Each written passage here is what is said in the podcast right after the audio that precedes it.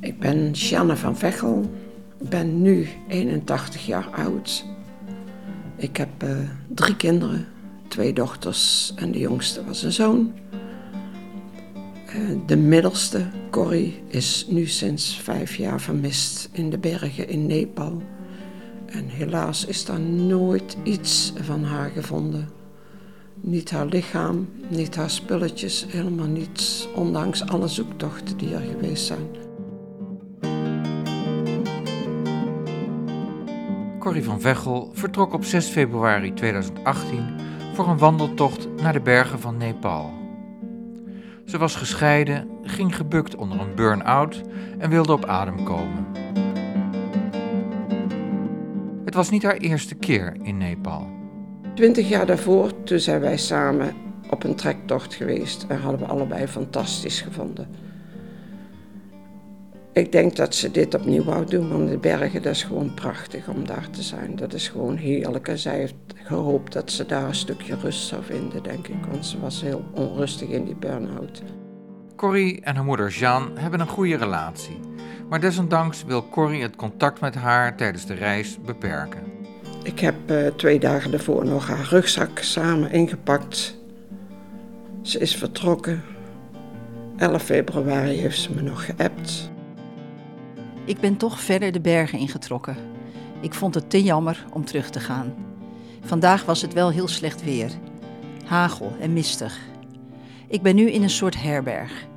En morgen vroeg, rond vijf of zes uur, gaat iedereen op weg naar het hoogste punt om alle bergen en de zonsopgang te zien. Daarna werd het stil. Tot haar partner, haar ex, aan de bel trok van wij hebben al een tijdje niets meer van Corrie gehoord. Dat was ruim drie weken na het laatste sms'je dat haar ex en haar kinderen van Corrie hadden ontvangen.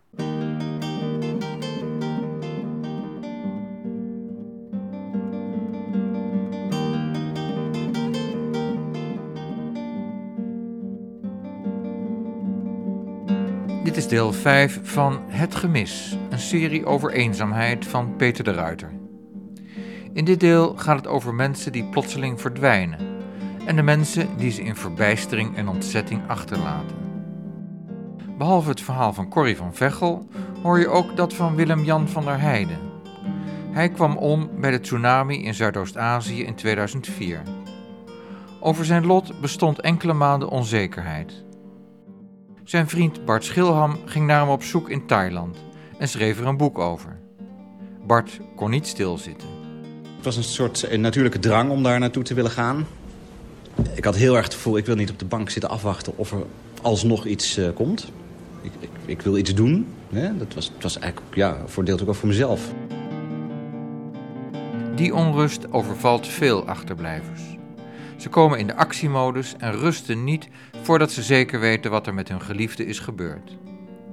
Dit zegt ook Frank Wagenmakers van Slachtofferhulp Nederland. Hij geeft een voorbeeld. Ik noem geen namen, maar ehm, de moeder van een vermiste jongen, die weet rationeel heel goed dat de kans dat haar zoon nog leeft minimaal is. Er zijn nooit meer pintransacties geweest en dat soort zaken. Maar toch blijf je zoeken naar bewijs. En wat zij doet, ook al weet ze dat het eigenlijk volslagen zinloos is, als zij op vakantie gaat naar Zuid-Europa, gaat ze altijd flyeren. Is ze altijd bezig met de flyers over haar vermiste zoon. In het gewone leven is het normaal als je zelfs maar bij het doen van een boodschap zegt dat je zo terug bent en je geliefde een zoen geeft. Hoe onwerkelijk is het dan als die persoon niet thuiskomt en je hem of haar niet meer kan vinden? Waar kom je dan in terecht? Je komt in een molen terecht van hele nare dingen, van onwezenlijk. Uh, je hoopt nog ergens, hadden we de hoop op dat ze in een meditatiecentrum uh, zou zijn. Daar had ze zich ook voor opgegeven, maar daar is ze dus nooit verschenen. Onwezenlijk, zegt Jean. Wanneer werd ze ongerust? Ze wou zo min mogelijk contact. Dus misschien nog even afwachten. Maar ondertussen ging er toch wel wat borrelen. Want toen bleek dus later dat zij bijna elke dag toen ze in de bergen was, heeft ze hun elke dag wel foto's gestuurd, korte appjes gestuurd. Hun zijn Corrie's ex-man en de kinderen die bij hem wonen. Achteraf was het heel erg fijn, want dan konden we traceren hoe zij gelopen was in die berg. Anders hadden wij echt geen idee. 21 februari was het laatste contact geweest, dus ze was maar een weekje in de bergen geweest. En hij trok 16 maart aan de bel. Als moeder begin je dan toch ongerust te worden.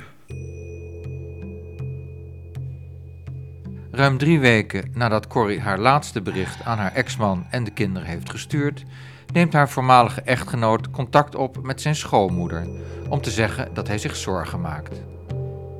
Wat deed moeder Jeanne toen? Ik heb het consulaat in Nepal benaderd. Haar ex heeft uh, reisbureaus benaderd. Ik kreeg meteen na het weekend al uh, een mail terug van het consulaat. Daar bleek een bekende van mijn oudste dochter te zijn, dus de zus van Corrie. Corrie's oudere zus en haar man hadden namelijk vijf jaar in Nepal gewerkt en gewoond. Dus Karine is toen verder gegaan, mijn oudste dochter, met uh, ja, contact te leggen, kijken wat er aan de hand was. Alle toeters en bellen worden dan in werk ingezet. Uh, buitenlandse zaken moest benaderd worden, moest aangifte bij de politie gedaan worden. Uh, haar telefoons moesten uitgepeild worden voordat alles dan op, op de rit is qua zoektochten en de onrust die je hebt. Twee weken later wordt een eerste zoektocht op touw gezet. We waren met een groep van tien mensen. Was nog een politie bij, was een dokter bij voor het geval ze levend gevonden werd. Maar 21 februari en een maand later, die zoektocht, dat is heel lang, ja. Ik ben zelf uh, eind april daar naartoe gegaan. En toen zijn ze gaan zoeken met honden. Ik had spullen meegebracht van Corrie voor de honden. Wij waren tegelijk in dat gebied. Is een Mal noemen we dat. In dat gebied moet ze ergens vermist zijn geraakt.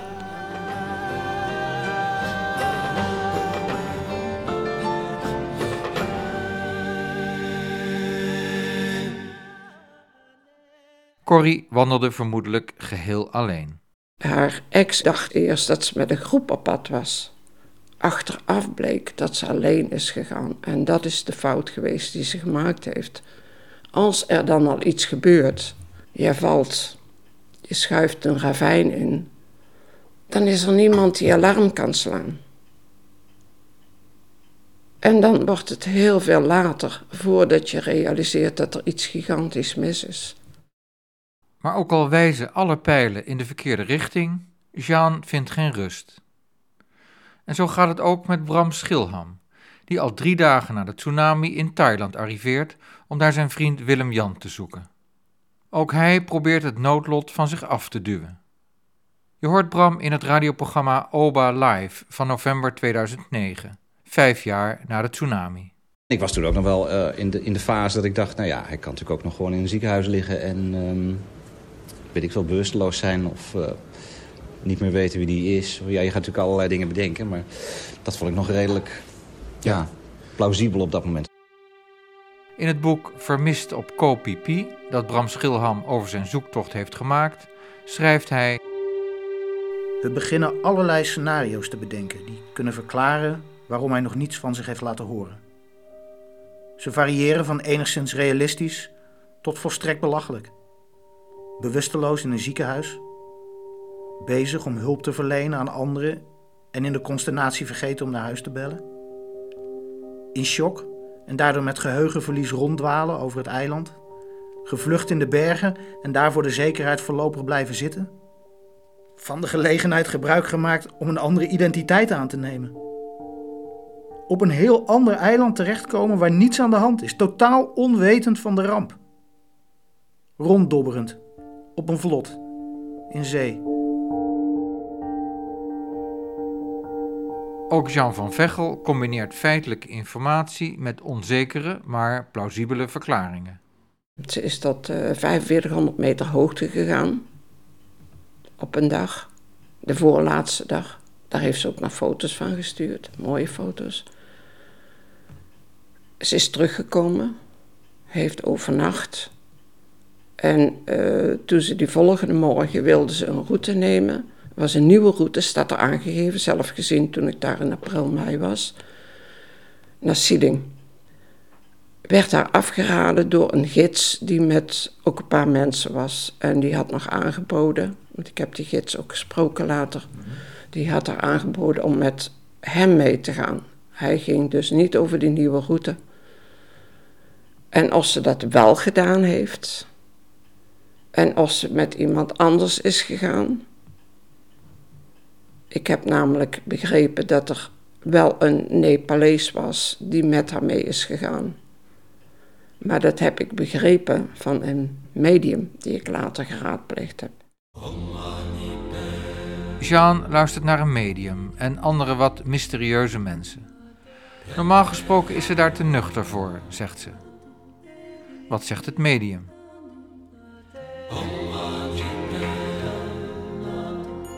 Zij vertelde mij dat Corrie is uitgegleden. Tot twee keer toe maakte ze ook het gebaar dat ze met haar been uitgleed en in een ravijn viel, waar ze niet meer bij konden.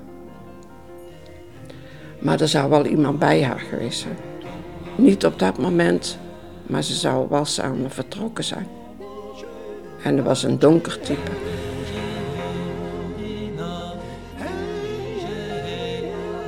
Aan de hand van de beschrijving van het medium denkt Jean wel te weten wie die donkere persoon is. Toen wij uh, op die eerste tocht waren, toen ook die Sardogs, die zoekhonden, uh, mee waren.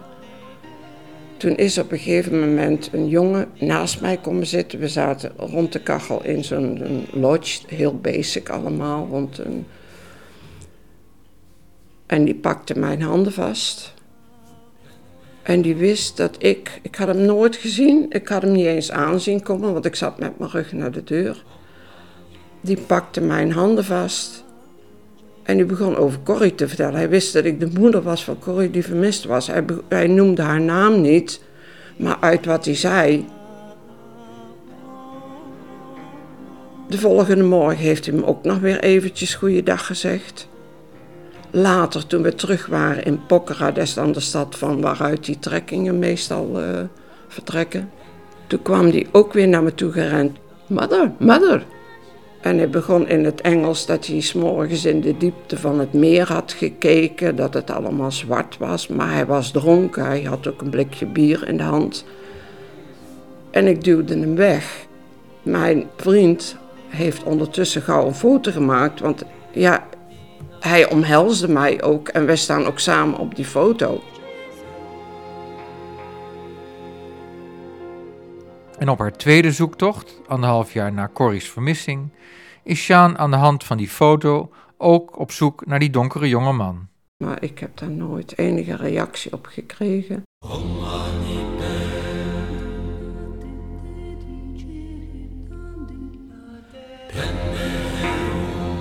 Sjaan laat zich op haar tweede zoektocht verder leiden door haar gevoel als ze samen met de Nepalese gids de vermoedelijke route van Corrie loopt. Toen hij had vlaggetjes meegenomen, Tibetaanse gebedsvlaggetjes, die we op zouden hangen. Wij waren op dat hoogste punt geweest waar Corrie dus ook een nacht heeft doorgebracht. En toen wilde hij ergens die vlaggetjes gaan ophangen. En toen zei ik, dat kun je wel doen. Maar dit is niet de plek waar Corrie vermist is.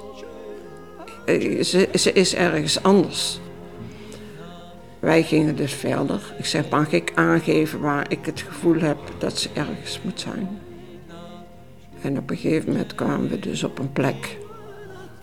En toen heb ik gezegd, wil je hier die vlaggetjes ophangen? Want daar had ik het gevoel dat ik heel dicht bij haar was. En daar hebben Jean en haar gids een ceremonie gehouden.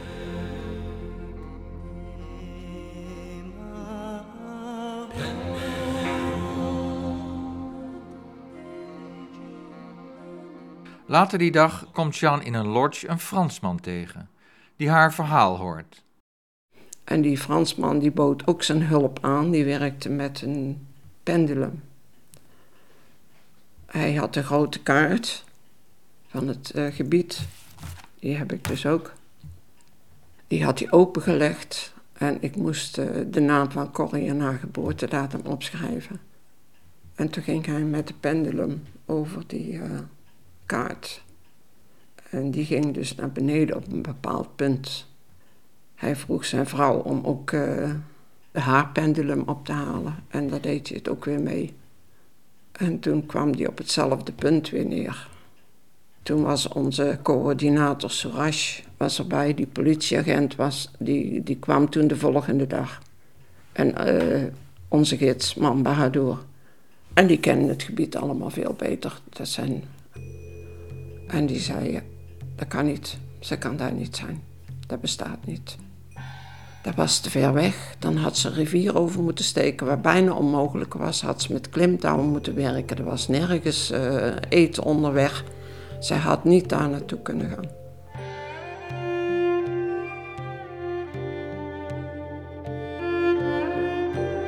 Ik vraag Jean of ze wel vaker op mediums en pendules vertrouwt. Nee, zegt ze. Ik ben eigenlijk een heel nuchter persoon en ik zou zomaar niet naar een medium stappen. Maar je zoekt ergens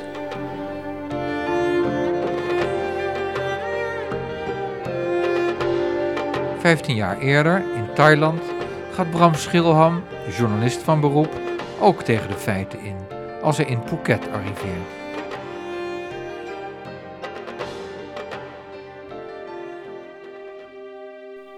Diep in mijn hart had ik gehoopt in Phuket een enorme chaos aan te treffen. Een wanorde waar overlevenden van de tsunami verstopt zouden kunnen zitten. Bewusteloos in een ziekenhuisbed, zonder dat zij zich bekend kunnen maken en zonder dat iemand weet wie ze zijn. Maar wat ik hier aantref is het tegenovergestelde van een chaos. De hulpverlening is goed georganiseerd, de overlevenden zijn geregistreerd. Voor wie nu nog wordt vermist, ziet het er heel somber uit. Wij zijn tot nu toe iedere dag in alle ziekenhuizen geweest, zegt een Thaise medewerker. Hij schudt zijn hoofd terwijl hij praat. Er liggen geen Nederlanders meer die wij niet in kaart hebben. Maar als u het gevoel heeft dat u het toch moet doen, dan staat u dat natuurlijk vrij. Hier is de lijst.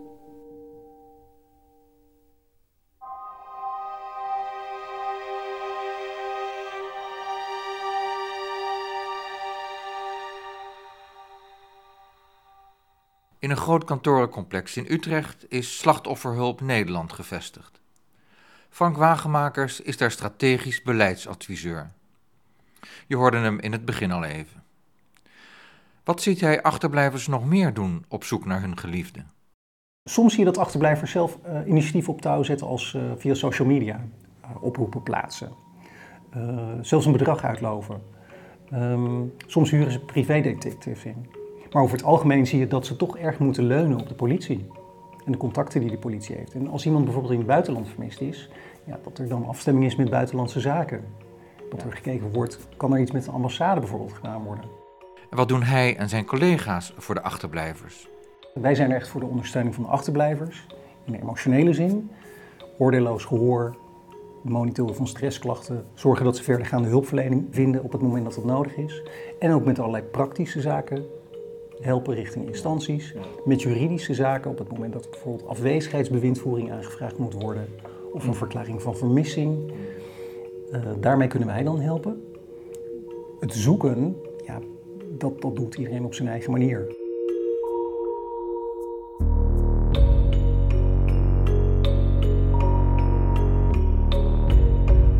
Hoe past dit werk in het grotere geheel van Slachtofferhulp Nederland? Het is voor ons een uh, bijzonder dossier. Het is een relatief klein dossier. Weliswaar zijn er veel mensen die op jaarbasis vermist raken. Uh, maar het aantal achterblijvers wat daadwerkelijk hulp zoekt, uh, is toch redelijk gering. En er is ook geen automatische doorgifte bijvoorbeeld van deze mensen. Dus mensen moeten toch helaas zelf ook vaak wel het wil uitvinden. Je kunt een melding maken van, van de vermiste, dat, dat diegene vermist is. Maar het vermist zijn is, is op zich geen misdrijf. Er kan wel een misdrijf aan ten grondslag liggen, maar op zich vermist zijn is geen misdrijf. Wanneer ben je vermist? Er is een wettelijke definitie, of een wettelijke een definitie die de politie hanteert. En je bent vermist op het moment dat je niet op de gebruikelijke plek bent en op het moment dat uh, het een risico vormt, want je kunt ook gemist zijn. En je hebt ook het recht om te verdwijnen. Je mag natuurlijk ook verdwijnen als je wil. Maar de politie hanteert wel een bepaalde definitie over dat het in het belang is dat bekend is waar je verblijfplaats is um, en dat het buiten gebaande paden is. Die precieze definitie die, die zou ik even moeten opzoeken, maar... Uh...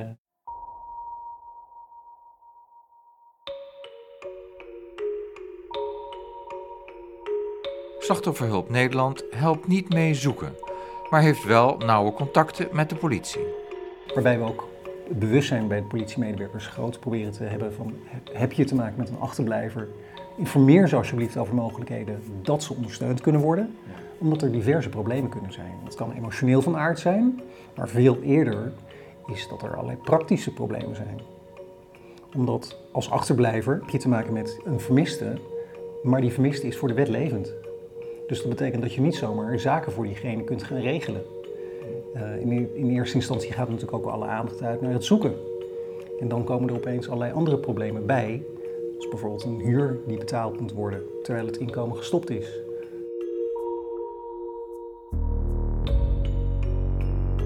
Ook niet alle vermissingen zijn urgent, want je mag dus gemist worden, je mag verdwijnen. Uh, sommige mensen, ja, daarvan zegt de politie ook van ja, dit hoort een beetje bij track record. Dit zijn mensen die verdwijnen wel vaker even. Het zijn mensen die, die leven nou eenmaal wat zwervend bestaan. Dat is niet zozeer urgent. Nou de politie onderzoekt op basis van een handboek wel nadrukkelijk de zaken die wel kritisch zijn natuurlijk. Dan kunnen ze ook opschalen. En er zijn ook door het hele land vermissingsspecialisten. De politie heeft inmiddels ook een uh, separate afdeling.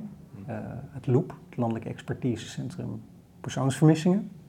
Dat is een expertisecentrum die de eenheden in het land ondersteunt. Maar wat minder urgente zaken die worden door de, de basiseenheden gedaan. Waarom is ondersteuning bij een vermissing belangrijk? Het is belangrijk dat achterblijvers ondersteuning vinden, omdat ze zelf heel vaak tegen muren aanlopen.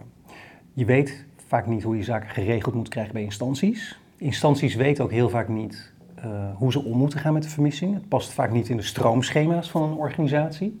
Letterlijk krijgen achterblijvers een soort reacties als computer says no te horen, mhm. omdat het niet in de belscripts past. Uh, je wilt zaken geregeld krijgen, maar zoals ik net ook al zei, als iemand vermist is, dan is diegene voor de wet levend. Dus dan zul je ook weer andere stappen moeten zetten om zaken met een instantie geregeld te krijgen. Voor de wet levend, maar voor de achterblijvers ook. Zeker. Ja, de meeste achterblijvers uh, hopen natuurlijk ook dat hun dierbare nog leeft. Hoewel er ook situaties zijn waarbij de vermissing al langere tijd duurt.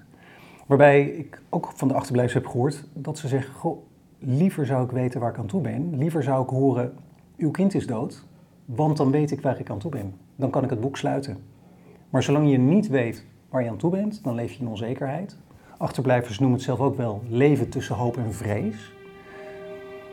Uh, maar voor de meeste achterblijvers is inderdaad de vermiste levend. Plotseling legt de vrijwilligster de dichtgeslagen ordner opzij en buigt zich voorover. Ze pakt de hand van de Zweedse jongen vast. Ik denk dat we je vriendin gevonden hebben, zegt ze. Haar zachte stem klinkt troostend. Echt? vraagt hij. Ja, echt. Ik ben heel blij voor je. Het klinkt tegenstrijdig, maar toch klopt het. In deze situatie van massale vermissing is iedere bevestiging positief nieuws. Al gaat het om de vaststelling dat iemand inderdaad bij de dodelijke slachtoffers hoort.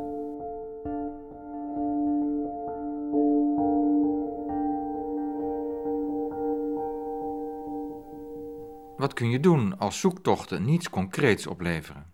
In Oorschot hebben we een vorm gegeven aan herinnering. We hebben een boom geadopteerd, was het idee van mijn oudste dochter. We waren een brainstormen vorig jaar rond haar verjaardag van uh, wat kunnen we doen vijf jaar na de vermissing. Dan kan ze overleden verklaard worden. Ik heb nog steeds moeite met dat woord. Omdat je nooit iets tastbaars gezien hebt. Dat wel gevraagd aan de rechtbank Midden-Nederland.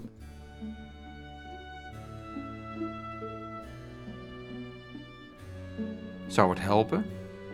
Ik denk het niet. Ik moet denken aan wat Erik den Heijer zei, teamleider van begraafplaats Westduin in Den Haag, tijdens ons gesprek in deel 4 van deze serie. Mensen kunnen pas een, een, een plekje geven als, uh, de, als ze weten waar eh, de overledene zeg maar, ligt, begraven is. Uh, dan kan de mensen pas ja, zeg maar, een, ja, de deur achter dicht trekken en verder gaan, gaan leven. En dat is, ja, als je niet weet waar iemand is, ja, dat is eigenlijk een, ja, een heel moeilijk om dat te aanvaarden en om een plekje te geven. En dat besef komt pas eigenlijk in de aula. Daar zie je ook daar dat de mensen, zeg maar, het verdriet naar boven komt.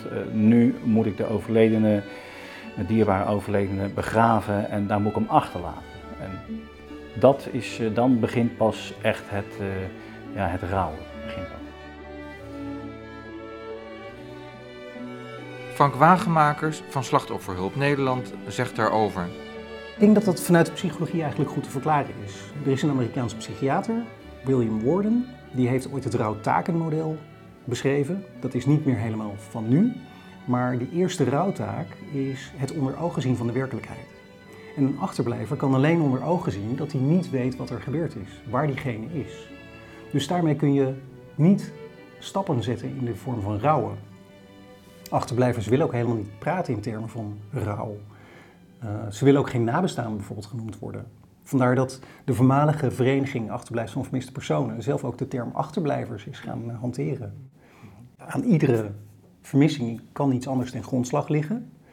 En je weet natuurlijk pas wat er aan de hand is als iemand gevonden wordt. Dat kan natuurlijk levend zijn, maar kan ook een stoffelijk overschot eh, helaas eh, zijn. En het kan zijn dat iemand zichzelf gesuicideerd heeft, maar dat het lichaam niet gevonden is. Het kan zijn dat iemand verongelukt is, zoals bijvoorbeeld een vermissing in Nepal, waarbij het vermoeden is dat iemand mogelijk verongelukt is, maar zonder dat lichaam, je weet het niet. Dat kan echt gekmakend zijn voor sommige achterblijvers. Jean van Vechel heeft ook tal van radio- en televisieprogramma's benaderd. Evenals, net voor zijn dood, Peter R. de Vries. Maar niemand kon of wilde haar helpen. Het had geen effect, ik had geen resultaat. Alles breekt je bij de handen af, zei ik dan wel eens. Maar ik had wel weer het gevoel, ik heb wat gedaan. Er is nog iets meer, ik heb het gedaan. Meer kan ik niet doen. En dat was voor mij heel belangrijk.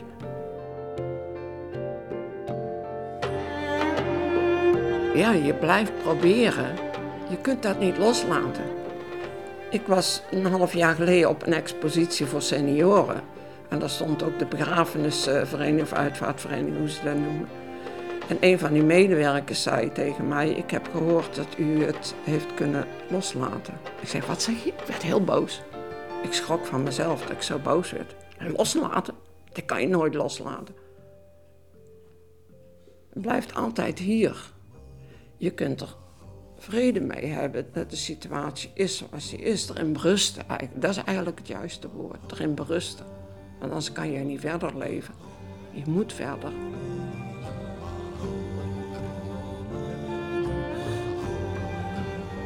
Toch heeft Jeanne een vorm gevonden waarin haar verdriet en rouw kan materialiseren. Een van de lodge-eigenaren in Nepal heeft tijdens een van haar reizen een aanbod gedaan.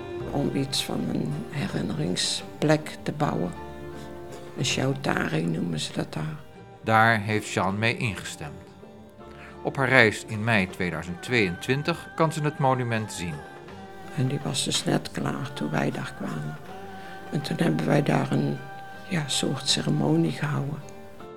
Jean toont een foto van een lage stenen structuur. Arbeiders hebben daar een paar uh, weken aan gewerkt, maanden zelfs. Want met de hand moeten al die stenen ge, uitgebikt worden. Dat is enorm, ja, dat is wel uh, drie bij drie meter. Dit is de nationale boom, de rhododendron van uh, Nepal.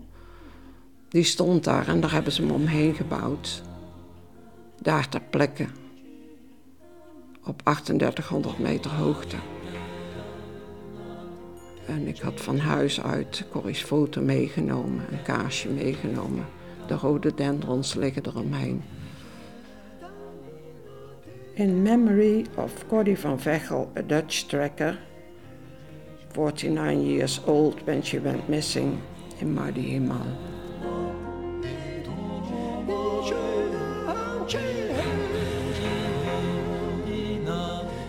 Maar het is niet alleen een herdenkingsmonument.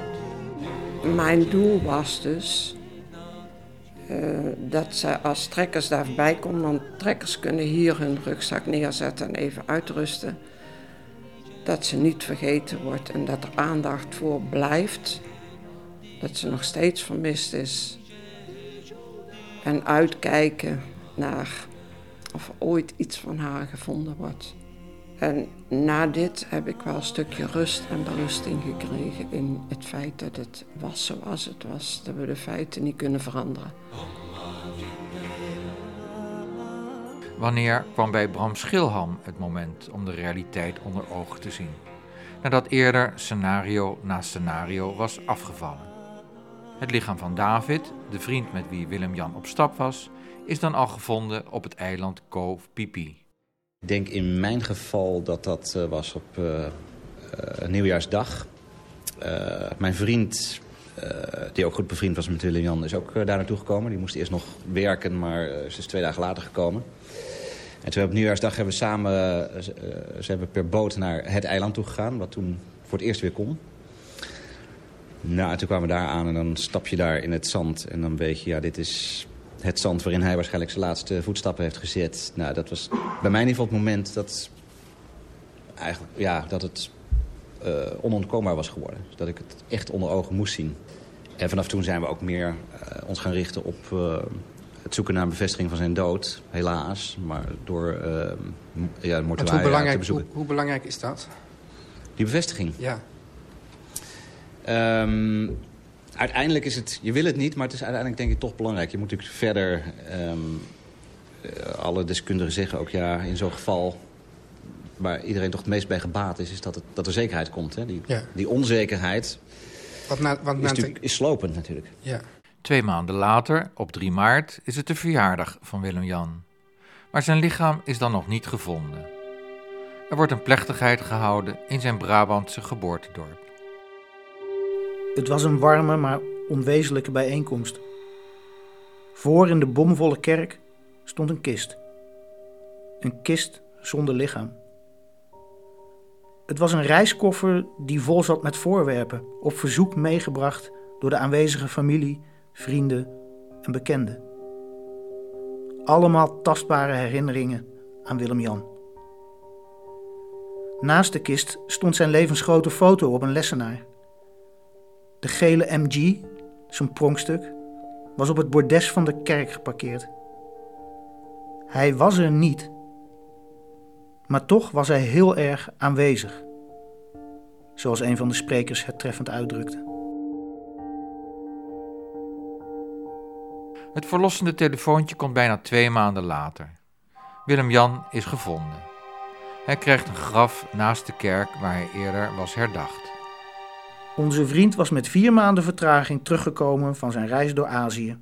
En hij zou van nu af aan altijd thuis blijven.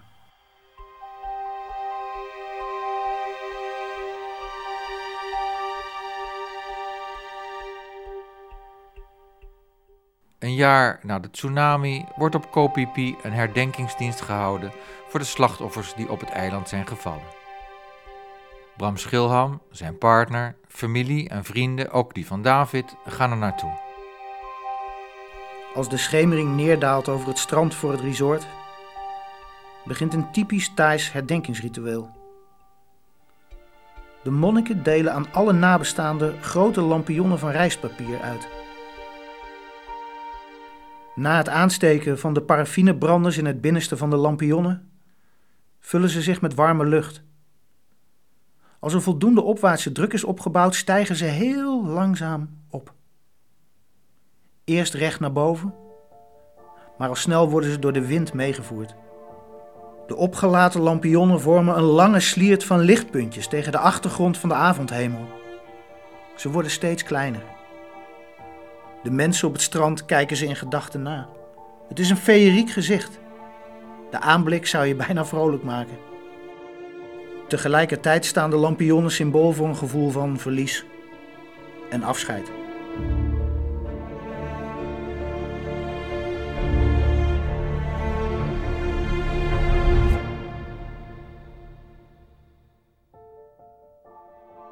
En s morgens als ik opsta, zeg ik tegen mezelf: Kom op, meid, maak er wat van.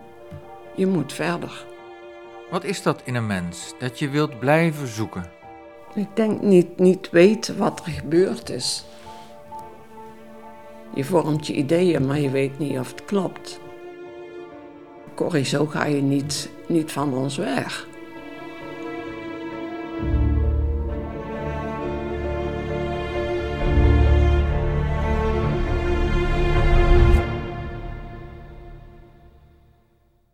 Dit was het vijfde deel van Het Gemis, een serie over eenzaamheid van Peter de Ruiter. Dank voor het luisteren. Klik voor meer informatie naar luisterdoc.nl en luister naar de volgende delen.